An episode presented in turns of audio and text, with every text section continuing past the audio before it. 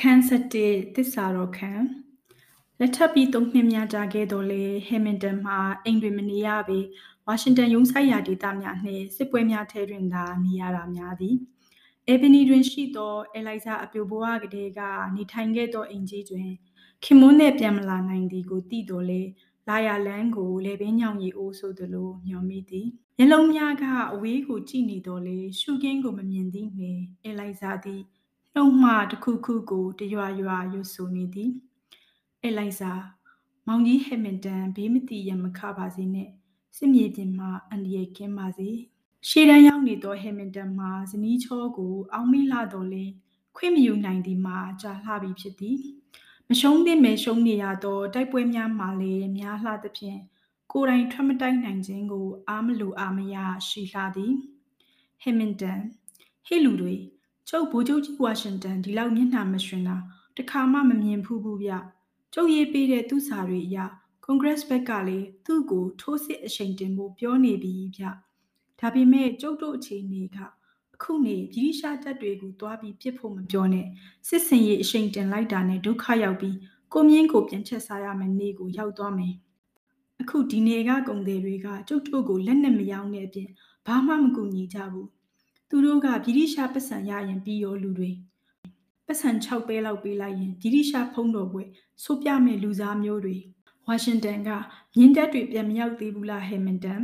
ဟယ်မင်တန်မရောက်တော့မရောက်သေးဘူးဒါပေမဲ့ ဝါရှင်တန်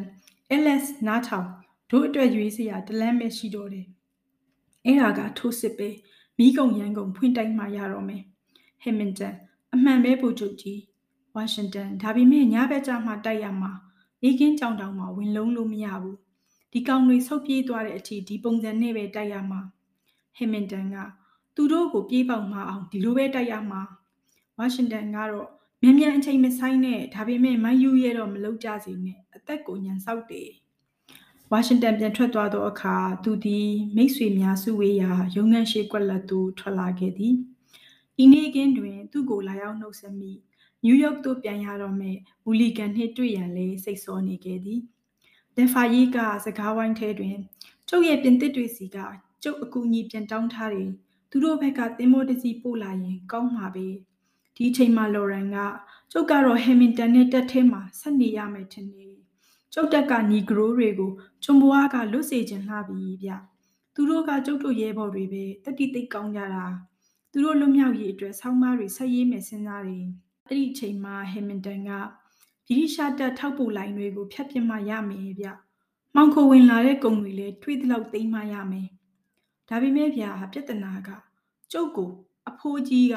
စစ်မတိုက်ခိုင်းတာပဲဗျ။နေ့တိုင်းကျုပ်စိတ်ထဲမှာဒီကောင်တွေကိုဘလို့တိုက်ရမလဲပဲတွေးနေတာ။သူသာအမိတ်ပေးလိုက်စမ်းပါဗျာ။ကျုပ်အခုခုံပေါက်ပြီးသွားမှာ။ထိုစကားကိုအပြင်ထွက်ရန်ဘေးမှဖျက်လျှောက်လာသောဝါရှင်တန်ကကြားသွားသည်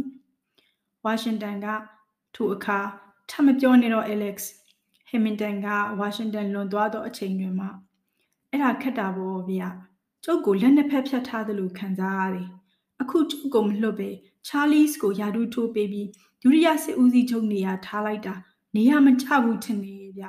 ကျုပ်သာဆိုရင်တော့ချာလီစ်ကိုမရွေးဘူးမုံမောက်တိုက်ပွဲတုန်းကအဲ့ရတဲ့ချီးထွက်မလို့ကြောက်နေတဲ့လူ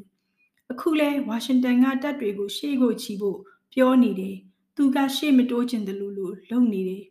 တလှမ်းတိုးနှစ်လှမ်းလောက်ဆုံးနေတာအတိတာကြီးပဲ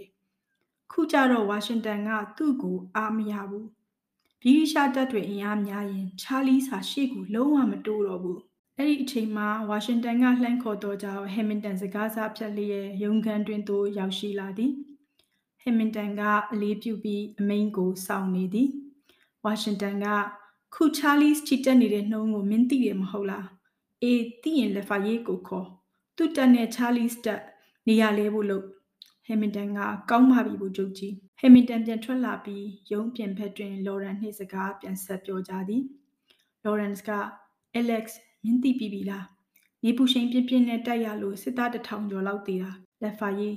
ကျုပ်တို့ကပြည်ရှားတက်နေတွေအားနေချက်ကိုပြန်ကင်မှနိုင်မှာဗျဟမ်မင်တန်ချာလီစ်တော့တစ္ဆာဖောက်နေပြီဗျ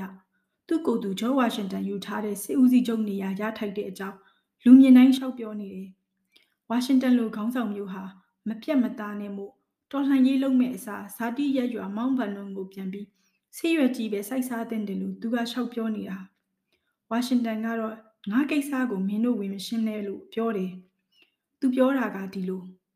ငါအနေနဲ့အမှန်ကိုမရှင်းပြလေခဏနေလူတွေဟာချာလီစ်အကြောင်းသိလာကြမှာပဲတဲ့အပြင်ရန်ကိုတိုက်နေရတဲ့ကာလမှာ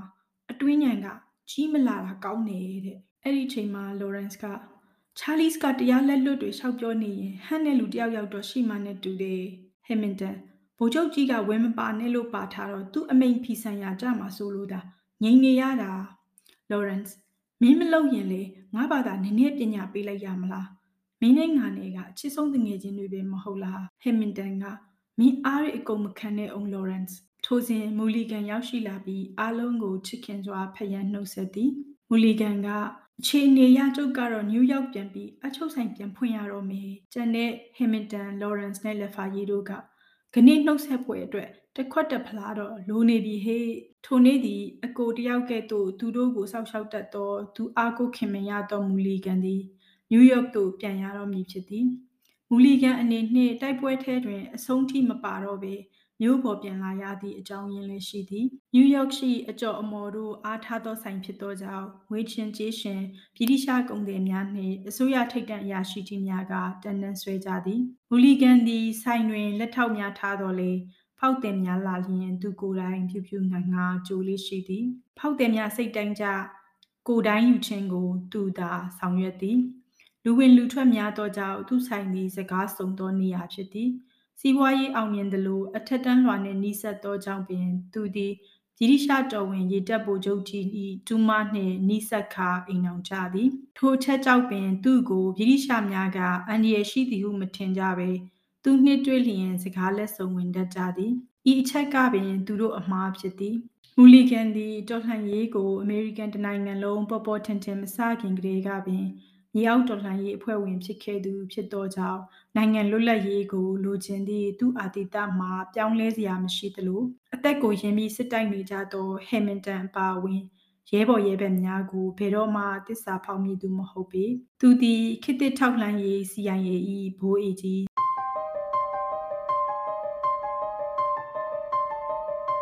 Stay alive. Stay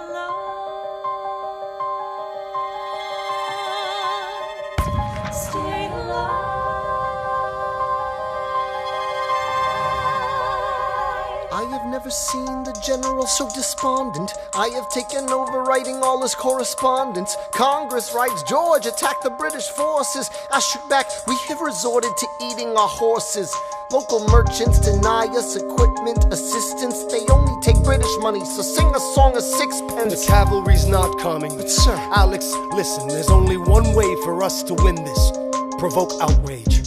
Outright. that's right. Don't engage, strike by night. Remain relentless till their troops take flight. Make it impossible to justify the cost of the uh-huh. fight. Outrun, Outrun, outlast. outlast. Hit 'em quick, get out fast. Stay alive until this horrible show is past. We're gonna fly a lot of flags, half mast. Raise a glass. I'll go back to New York in my apprenticeship. I ask for French aid, I pray that Francis sent a ship. I stay at work with Hamilton. We write essays against slavery, and every day's a test of our camaraderie and bravery. We cut supply lines, we steal contraband. We pick and choose our battles and places to take a stand. And every day, sir, entrust me with a command. And every day, No. he dismisses me out of hand. Instead of me, he promotes Charles Lee, makes him second in command. I'm a general. Yeah, he's not the choice I would have gone with. He shits the bed at the Battle of Monmouth. Everyone attack! Retreat! Attack! What are you doing, Lee? Get back on your feet! There's so many of them. I'm sorry, is this not your speed? Hamilton, ready, sir. Have Lafayette take the lead. Yes, sir. A thousand soldiers die in a hundred degree heat. As we snatch a stalemate from the jaws of defeat. Charles Lee was left behind without a pot to piss in. He started saying this to anybody who would listen. Washington cannot be left alone to his devices. Indecisive from crisis to crisis. The best thing he can do for the revolution is turn and go back to planting tobacco in Mount Vernon. Don't do a thing, history will prove him wrong. But sir, We have a war to fight, let's move along. Strong words from Lee, someone ought to hold him to it. I can't disobey direct orders. Then I'll do it. Alexander, you're the closest friend I've got. Lawrence, do not throw away your shot.